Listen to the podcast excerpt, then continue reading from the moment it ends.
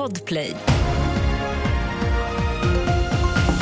Och här börjar vi med att berätta att batteritillverkaren Northvolt polisanmäls av Länsstyrelsen i Västmanland för misstänkt miljöbrott, rapporterar SR.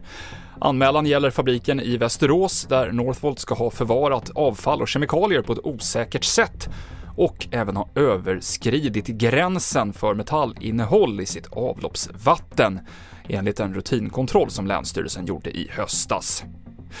Frankrikes president Emmanuel Macron tas just nu emot på Kungliga slottet i Stockholm för ett två dagar långt statsbesök, det första på 24 år.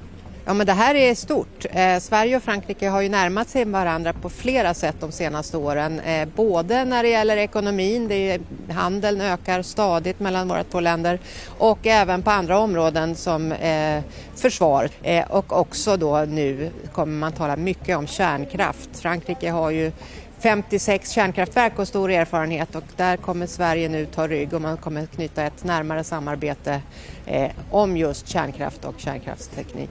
Det sa vår kommentator Elisabeth Frerot. Till sist alpint. Sara Hector ligger trea efter första åket i dagens storslalom i världskuppen.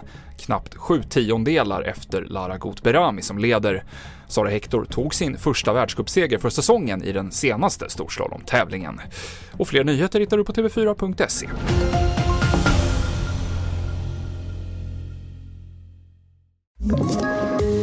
poddtips från Podplay. I fallen jag aldrig glömmer djupdyker Hasse Aro i arbetet bakom några av Sveriges mest uppseendeväckande brottsutredningar.